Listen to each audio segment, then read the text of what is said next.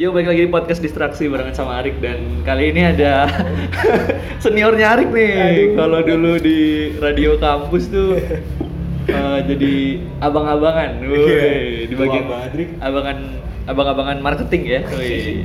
Sekarang sudah selesai, sudah lulus kuliah juga dan Alhamdulillah.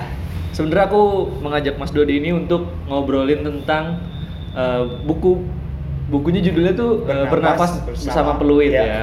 Oke. Nah, sebelumnya kenalan dulu dong. Halo, udah kenal lah, udah pada kenal. Ya. Karena pendengarnya Arik, circle-nya teman-teman kita juga ya, Arik ya. Iya, tapi ada yang dari Bali masih dengerin. Keren, Iya, keren, keren, keren, dari keren. Bali. Karena aku melihat industri podcast ini lama-lama, susah untuk aku jangkau. Karena mediumku beda, Rik. Karena kan Hmm. kamu tau lah mediumku aku suka nulis. Iya. Kalau aku mau buat podcast dari dulu buat podcast lah. Iya. Tapi aku tahu aku nggak akan mampu untuk sampai ke situ gitu. loh. Hmm. Jadi aku manfaatin mediumku, jadi suka nulis ya udah aku nulis. Oke. Kenalan ya. Iya, iya. Nama Dodi Murdianto Laksmana Putra. Hmm. Terus apa lagi, Rik? Apa ya gelarnya kali ya? Gelar. Biasanya kalau disebut, disebutnya biasanya misalkan kalau aku kan Arik mahasiswa gitu. Aduh. Ini gelarnya apa gitu Eh, coba. pekerjaan sekarang nyasar sih nyasar Wih. sebagai kontraktor Tapi jurusannya jurusannya bahasa Indonesia wah. terus nih S2 linguistik S2 nya linguistik di 11 Maret 11 Maret. Nah, S2 sama linguistik juga ilmu bahasa tapi Hmm. kerjaan utama nyasar di kontraktor tapi aku menikmati itu Woi. karena bahagia Seru ya, seneng ya. ya iya Oke, lanjut kita langsung bahas bukunya aja nih. Siap. Jadi awal terbentuknya yang aku tahu adalah ini project dari project apa Passion Field Passion ya? Itu dari apa sih? inisiasi Program. dari Bismillah Foundation ya kayak misalkan di Jarum tuh ada Jarum Foundation yang mereka punya beasiswa Jarum, beasiswa Jarum yang Yeah. anak bulu tangkis itu kan Yeah. kompetisinya di bulu tangkis mediumnya itu terus Hmm. misalkan Projam Projam tuh Promile Yeah. mediumnya untuk anak-anak BMX, anak-anak skate Oh, gitu, iya, yang kan. Nah, ini ya Bismillah Foundation ini pakai nama Passion Field yang mediumnya Passion untuk anak-anak muda yang punya proyek kreatif Hmm. dengan passion mereka gitu kan. Oke. Passionku human interest. Suka Oke. banget ngobrol sama orang-orang. Sosial banget ya. Yoi. gitu. Nah, eh, berarti di Passion Field sendiri berarti pasti banyak dong orang yang nggak maksudnya bukan cuma Mas Dodi doang yang ikutan Bener, project itu kan. Nah, itu pesaingnya dari mana aja Mas kalau boleh tahu? Se Indonesia. Se Indonesia. Jadi dulu se Indonesia, terus akhirnya kita di karantina, di karantina, sorry di karantina di Jogja Hah? sekitar hampir dua minggu lah kalau nggak salah kalau kalau nggak salah dua mingguan. Iya, iya. Nah itu akhirnya ada lima finalis Hmm. yang akan dinobatkan sebagai the most inspiring sama satunya apa ya istilahnya ya the most remarkable Uh, bahasanya ribet sekali ya. ribet sekali itulah pokoknya juara satu sama juara dua itu gitulah Ya, oke, dua Nah, kategori itu. ah, dua kategori itu terus ada lima finalis nih Hmm.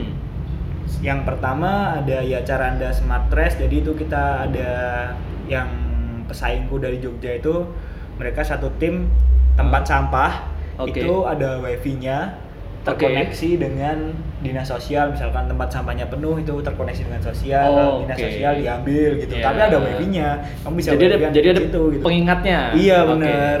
Tapi aku nggak tahu lah mereka anak-anak robotik keren. Iya, iya, Dan iya, iya. kerennya sekarang teman-temanku itu udah buat pesawat sampai ke Hmm, Jerman. Rick. Oke. Gila itu Rick. Keren, Jadi orang-orang di Passion Field itu memang sangat-sangat bener-bener memotivasi aku sampai sekarang untuk berkarya lebih lanjut, lebih Hmm. lanjut, lebih lanjut gitu loh. Terus yang kedua ada namanya Sapu Ombak itu anak-anak dari Malang. Oke. Mereka skateboard, eh skateboard kalau di laut tuh apa? Surfing, surfing. surfing Oke. kalau skateboard di laut Oke.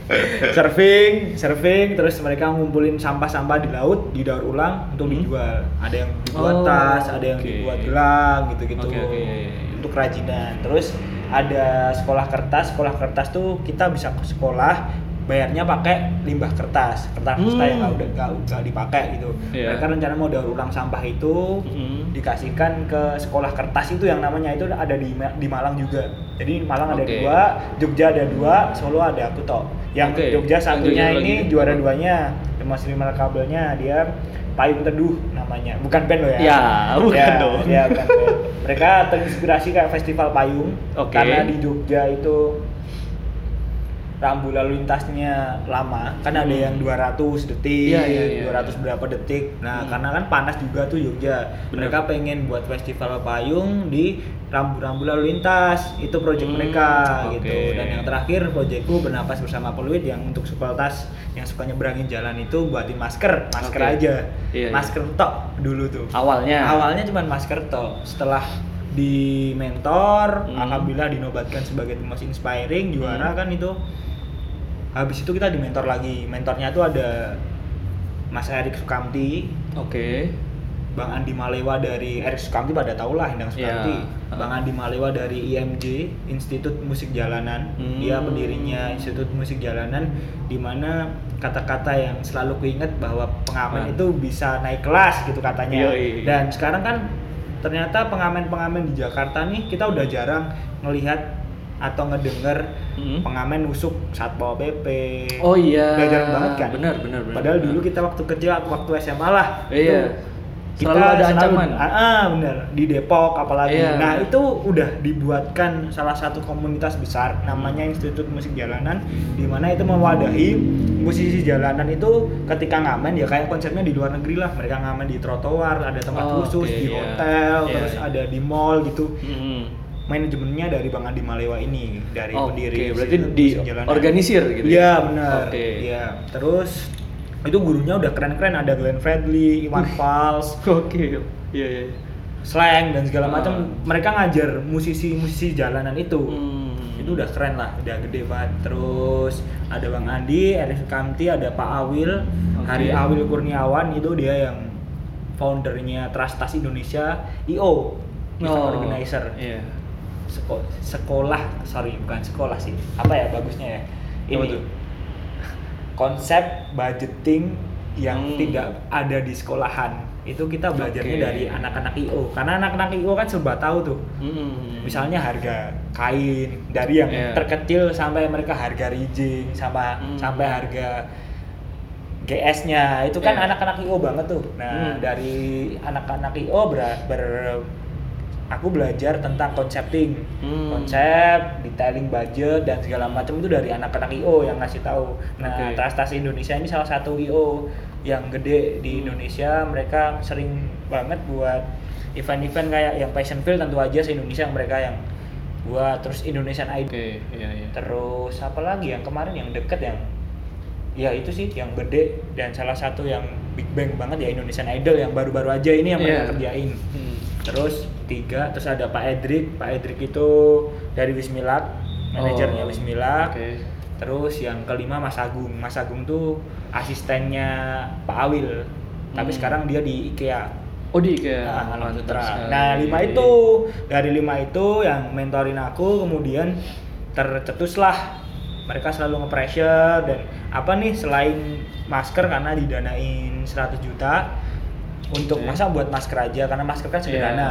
paling 10 sampai 20 juta pun udah bisa Udah cukup terdistribu- terdistribu- terdistribusikan Iya.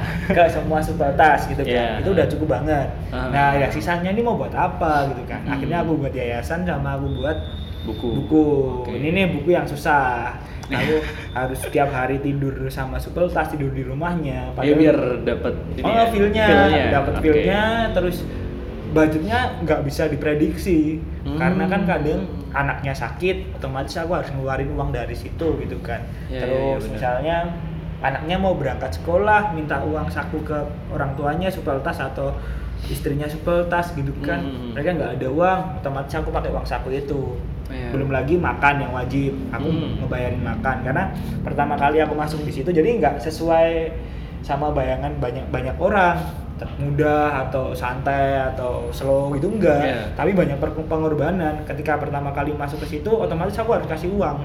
Karena Iya. sosial ya gitu kita harus berbagi. Berbagi kita dari apa? Selain dari tenaga itu kan ada dari uang yang nyata ya. Iya. dan mereka kan dulunya punya background yang napi narapidana. Kelam lah ya. iya parah. Kalau dulu pernah denger bis apa nabrak Ah. delapan orang meninggal masuk koran Oke, itu oke. salah satunya di Sepeltas terus Oke, ada yang oke. bandar narkoba sampai dadanya dipendang Oh. karena dia bandar narkoba kelas gitu loh Iya, iya, iya, Ya, iya. terus ditembak gitu-gitu Hmm. padahal dia disuruh sama seseorang untuk mengedarkan Iya, narkoba mengedarkan, itu ah, iya. gitu kan nah itu Oh, ada dari sekolah juga terus belum belum yang mereka miras, narkoba dan segala macam itu Iya, ada di iya. sepeltas semua gitu loh. Nah, di buku itu yang aku kupas, yang aku tulis Hmm. dari itu. Kisah hidupnya? Ya, ah, kisah hidupnya. Ada lagi yang parah. Apa tuh? Obat pil. Iya. Mereka dulu ada yang pernah kerja di bagian obat farmasi. Oh, farmasi. Heeh. jadi obat itu bis, ada yang di istilahnya yang kadaluarsa Hmm. dimasukin butirnya. Jadi selama ini kita minum obat itu gitu loh. Padahal obat itu Hmm, adalah obat yang sering sering kita Oke, oke. sering kita Sering minum. Iya. Heeh, oke. bener. Dan itu diedarkan di- dan Hmm. sengaja gitu loh. Hmm. Nah, ya ya kayak gitu gitulah terus ada lagi yang ayam ayam tiren dan segala macam Oh, itu iya. ada bisnis bisnis kelam itu di Sepelta semua dan Oke. mereka akhirnya mau berubah Hmm.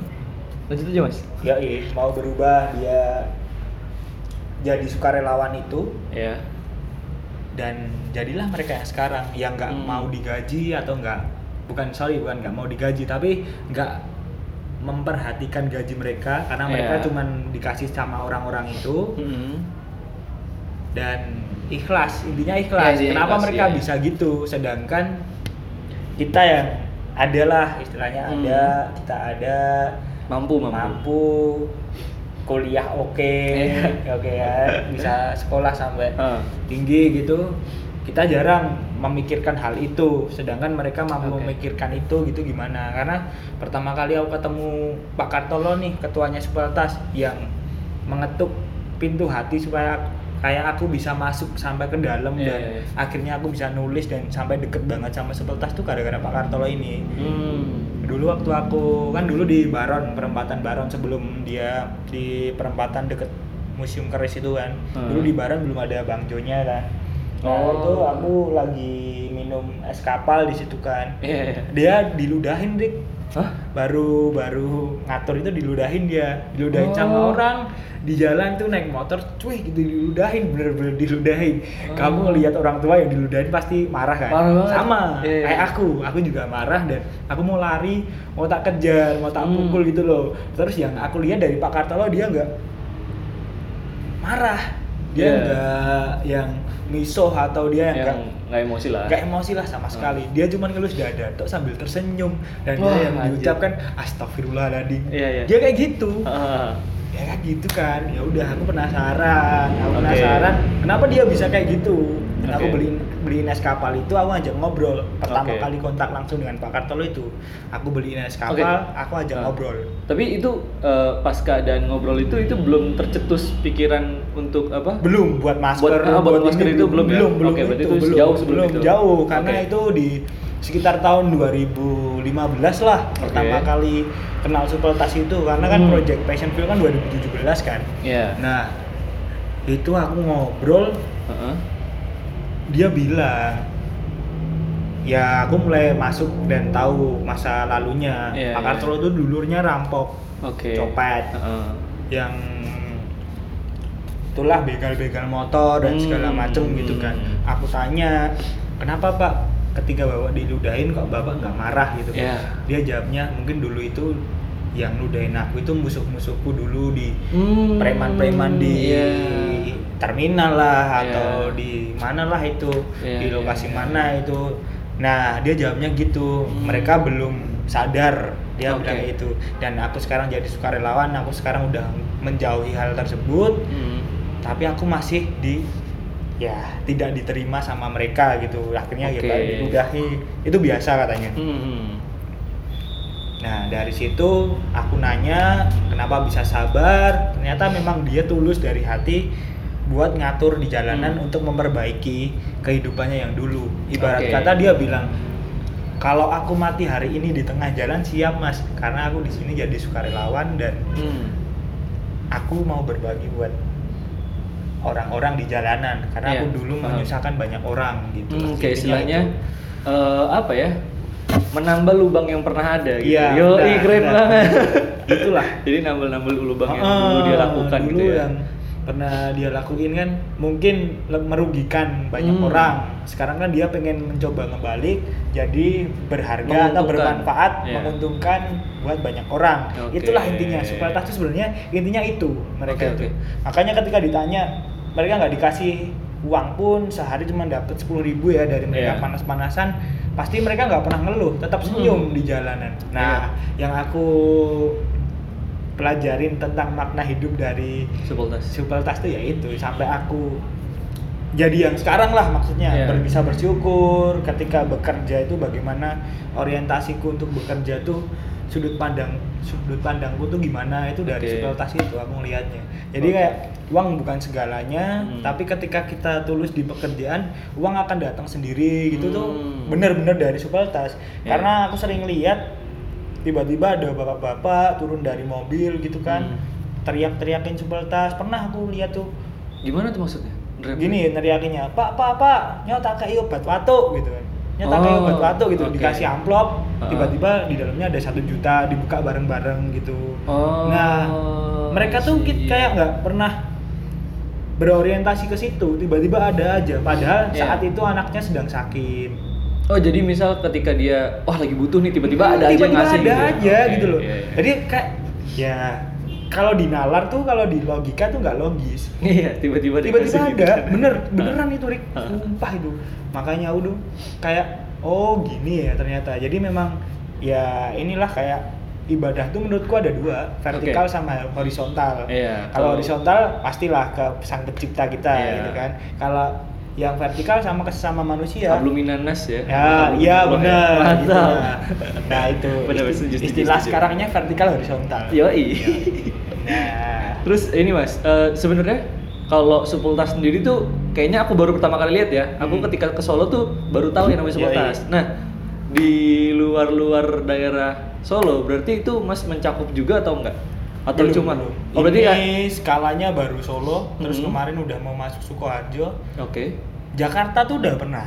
Oh, Jakarta udah pernah. Pernah, tapi ya yang namanya Jakarta Rik kalau nggak diawasin terus Iya. ya mereka orientasinya udah beda gitu Iya, loh. benar benar benar. Jakarta udah pernah yang bina juga teman-teman dari tim Solo, Mhm. Pak Kartolo ke sana, Oke. terus ngelatih bahwa manajemennya tuh Supeltas harus kayak gini, organisasinya Oke. harus kayak gini, nggak bisa. Mereka kan orientasinya udah uang semua. Hmm, Ketika beda-beda pemikirannya di sini kan backgroundnya di sini Napi pengen berbuat baik, kalau di sana benar-benar backgroundnya nyari uang. Jadi Oh, orientasinya iya. udah beda, nggak Oke. match gitu loh. Iya, iya. Nah Ah, itu terus di Malang juga udah pernah sharing. Besok kayaknya tahun ini kita ada studi banding ke Malang. Malang mau Oke. niru Solo gitu loh. Hmm. Tapi belum tahu bulannya apa. Kan nunggu pendanaan dari dinas terkait. Itulah. Tapi berarti Mas sudah pernah ke Malang? Udah Maksudnya pernah, Oke. udah pernah, udah pernah Malang, Jakarta udah pernah. Rencana Semarang juga. Karena aku pengennya kan di Solo harus solid dulu. Susah, susahnya tuh apa? Karena SDM-nya SDM-nya yang mantan napi itu mantan napi ketika mereka menjelaskan ke sesama supporters kan pasti ada ya terkendala sesuatu kan. Misalkan bahwa di jalan tuh harus kayak gini ramah kayak gini gini gini ada rumusnya lah itulah. Iya. nah mereka kan nggak bisa menyampaikan itu skill public speakingnya Iya, lah. nggak bisa.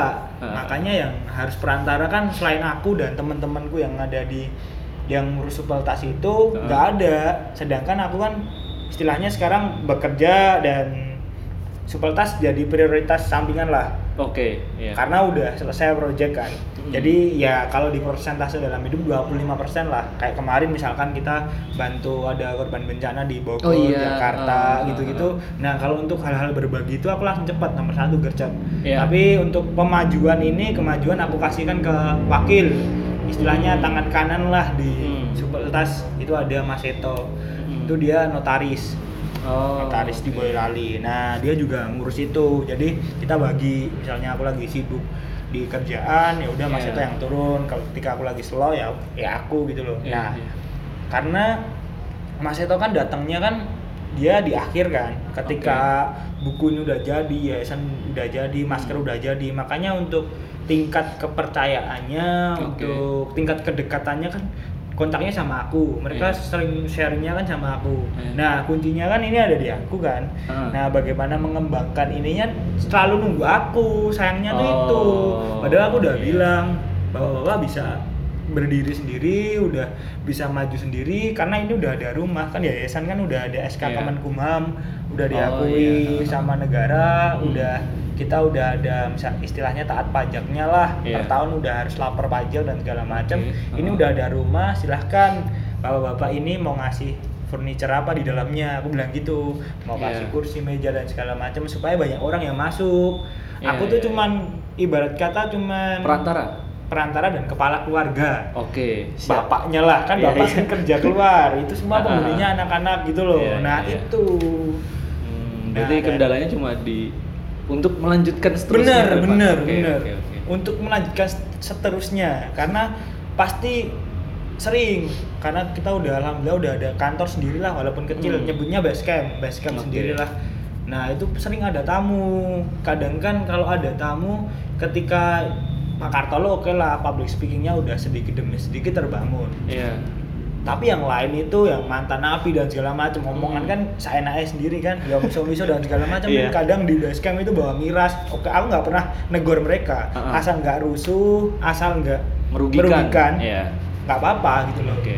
di di dalam batas wajar loh ya nggak Hmm. apa-apa gitu loh karena aku nggak bisa negor karena aku juga nggak menggaji mereka secara signifikan gitu Iya, kan bener. Kecuali kalau gaji mereka per bulan berapa juta gitu kan nggak boleh ini ada. Ah, ah, boleh tapi kan karena aku istilahnya mengayomi atau menjadi perantara yang kamu bilang tadi kan untuk donasi ketika mereka susah atau sakit aku nyarikan donasi dengan pertanggungjawaban lewat yayasan ini lewat organisasi ini gitu loh Ah. nah itu Eh, balik lagi ke bukunya nih ya. siap Kalau misal Mas Dodi sendiri kan ini berarti banyak cerita nih dari beberapa sepultas yang Hmm. dimasukin dalam buku itu. Hmm. Satu cerita yang menurut Mas Dodi, wah ini paling pecah sih. Itu apa? Ada nggak? Yang Kayak misal cerita pecah. backgroundnya tuh, wah ini kelam banget nih atau mungkin wah ini menginspirasi banget gitu ada nggak? ada tapi dia nggak mau dimasukin ceritanya di buku tapi aku cerita nggak Oke, apa-apa karena oke. kan itu 30 30 Hmm, cerita padahal Oh, sepuluh kan 30 ada cerita. 60 Hmm. Dia nih satu orang nih satu supeltas yang dulunya dalam tanda kutip suka hal-hal gaib Oke. Jadi iya. dukun. Oke. iya. jadi dukun deh ini nih Eh, klinik-klinik. iya bener jadi dukun dia Terus? yang menginspirasiku tuh dia jadi dukun dan dia adalah supeltas pertama kali di Solo sebenarnya dia supeltasnya pertama kali Hmm. tahun 97 dia Oh, pakai baju putih oke. dia suka klinik itu di Gunung Kembukus kan ada yang itulah pasti pada tahu dalam Hmm. tanda kutip berhubungan seksual dan segala macam Iya. sampai dia tuh nggak punya anak Rik dia Oke. karena dia suka klinik itu dan dia nggak punya anak Oke. nikah terus gitu Oh, kan hehehe. dia di supeltas terus Hah? kemudian kenal aku Rik Oke. kenal aku dan kenal teman-teman di supeltas dengan lingkup yang bener-bener kayak gitu tapi dia niatnya dulunya memang bener-bener berubah Hmm. berubah ke hal yang baik Iya. sampai sekarang apa yang termotivasi dalam hidupku untuk bersyukur dia mau ngaji Oke. setiap malam Jumat dia selalu ngaji di base camp Hmm. dan meninggalkan hal itu Oh. Jadi- iya. aku nggak tahu kalau kata dia dia pernah mimpi Heeh. ada ada bapak-bapak berjubah putih jenggotnya putih panjang Hmm. terus dia membuatkan rumah untuk Hmm. bapak ini yang Hmm. namanya nggak bisa aku sebutin Iya, gitu iya. kan dia cerita ini Oke. yang nggak bisa aku sebutin namanya ini terus rumah itu adalah orang-orang di sekitarmu dan dia merepresentasikannya bahwa rumah itu adalah supeltas Hmm. nah dia meninggalkan hal-hal klinik itu cuman gara-gara mimpi itu, Mimpi itu ya. terus Oke. akhirnya dia di supeltas mau ngaji Hmm. dan pernah aku lihat tuh dia ngimami. Oh, nah ngimam sholat. iya ngimam Iya. sholat dan ini sih yang jadi motivasi bener-bener motivasi bahwa ternyata orang-orang kayak gitu itu hanya dengan mimpi hanya dengan hal-hal yang mungkin ya itu hidayah atau diberi Iya. petunjuk sama Allah dia bisa mikir sampai sejauh itu cuman Mm. gara-gara mimpi loh ya Hmm. ya Oke. padahal dia dulunya sorry yang tadi aku bilang ke Gunung Kemukus kalau orang-orang daerah sini pasti tahu lah itu Iya. tapi dia nggak punya anak dan segala macam Ah. Aku kurang tahu apakah itu tumbal atau apa kurang tahu Ah. karena aku nggak mau masuk jauh ke situ dan Iya. ketika aku tanya ceritanya mau di muat di buku dia nggak Ah. mau aku ya oke gitu Oh, iya. jadi di buku itu ceritanya aneh-aneh yang Oke. dari 30 sepeltas ya Ah. ada yang aneh-aneh lah karena aku nggak bisa masuk ke dalam imajinasi mereka dan kehidupan mereka di masa lalu Iya. dengan pengalaman mereka yang seperti itu makanya sampai sekarang aku selalu deket sama wartawan dan bisa CS banget lah sama wartawan gini banget deket banget karena mereka heran Oke. kok aku bisa ngebuat bapak-bapak sepeltas ini manut sama aku Iya iya iya. manut yang aku maksud mereka ketika aku bilang A ayo A ke sini B Hmm, ke sini itu oke. mereka manut sama aku Pak jangan Iya. ini Pak jangan gitu dia manut Hmm. padahal ini udah sepuh-sepuh udah berumur Iya. udah pengalamannya tinggi sedangkan lah. aku anak Iya. kecil dan yang mungkin mereka anggap aku seusia anak mereka kenapa Iya. mereka bisa manut sama aku gitu loh nah itu wartawan yang mereka kupas dari aku tuh itu Hmm, kok bisa kecuali kalau mereka anak kecil anak kecil dikasih permen manut oke biasa Iya. nah ini bapak-bapak yang pengalamannya udah banyak loh Hmm. dan mereka nggak berorientasi uang sama sekali ke aku gitu loh Oke. nah iya, itu iya. pendekatan seperti apa yang aku Lakuin, kasih iya. aku lakuin gitu aku nggak bisa jawab sumpah aku nggak bisa jawab karena itu mengalir aja gitu loh Iya. sejak tahun 2015 sampai sekarang ya udah lima tahun itu mengalir aja ketika aku ke sana ke base camp sampai sekarang dikasih makan Oh, dibeliin minum iya, gitu iya, gitu iya. Mungkin ini sih kayaknya karena persamaan misi kali ya. bener mungkin sih Jadi dan sama-sama pengen baik, pengen Ah, ah, berbuat dan kebaikan. ya. mungkin mereka taunya aku juga nggak minta apa-apa dari mereka Hmm, malah aku datangnya iya. aku bantu Hmm. bantu apalah ngasih apalah gitulah Ya, dan itu juga dari project Passionville itu awalnya. Hmm, bener awalnya dari passion field sampai sekarang alhamdulillah sepeltas udah nggak didanai sama siapa pun Mhm. kita bisa berdiri sendiri dan ada Oke. yayasan terus Hmm. ya sampai bisa ke Jakarta bisa Hmm, bisa ngebantu korban banjir itu sampai ya. ke Palu dulu. Oh iya, Palu juga ah, pernah. ah. Nah itu, ya itu karena bantuan dari masyarakat sama orang-orang baik di sekitar Solo. Karena aku selalu percaya bahwa orang Indonesia itu sebenarnya kaya-kaya. Hmm. Aku selalu percaya itu. Gimana tuh maksudnya? contoh ya, okay, ya fenomena sekarang aja lah. Contoh, misalnya tiket adrenalin, dalam 10 menit langsung habis gitu-gitu. Yeah, Sumpah okay. Terus.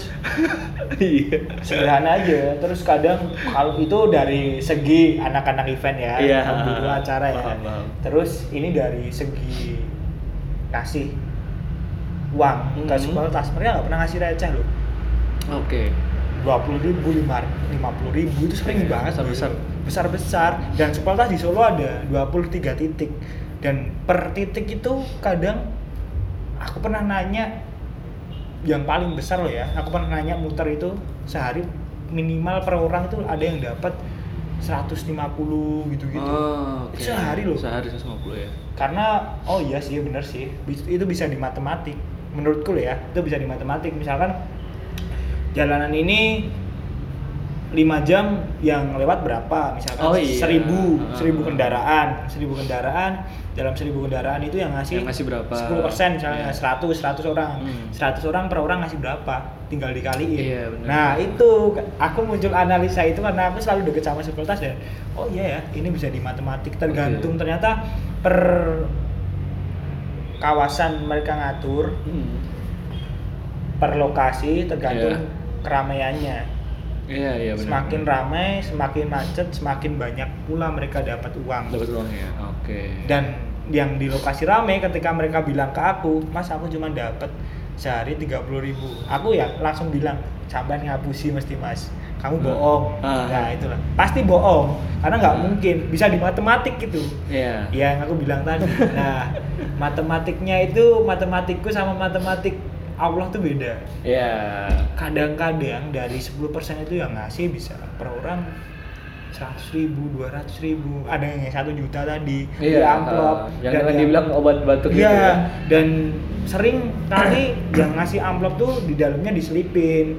Oh. Pak, tolong doain aku sekeluarga supaya sehat selalu. Iya. Kalau dari anak SMA dulu ada yang pernah ngasih sepatu, Oke. sepatu sama seragam-seragam yang masih layak pakai dari mereka dikasihkan untuk anak-anak sepuluh-tas dikasih Pak doain aku supaya lulus ujian nasional Oke. gitu-gitu sering Iya, banget iya, iya. kan sering aku foto itu Rik. Ah. Dan eh, balik lagi ke bukunya, Hmm. itu sudah bisa dibeli di mana saja? Oh, di seluruh toko buku di Indonesia. Woi, siap. Di- Cetak pertama di dua cetakan pertama tuh 2.500 eksemplar. Di Oke. Gramet ada, tuh Gamas ada, semua ada lah. Oke, oke, siap, siap. Di Tiga Serangga juga ada. Penerbitnya Tiga Serangga. Dan dari itu Rik, rezekinya dimulai dari itu. dimulai dari buku sekolah atas gitu Ah. kan karena aku alhamdulillah dekat engagementnya dekat sama editornya Oh, setelah iya. buku sepeltasnya kan ada buku-buku lagi bahkan Oke. buku-buku proyek beberapa ada yang udah diserahin ke aku Beranak ya. ah, ah, gitu makanya aku tadi bilang Heeh.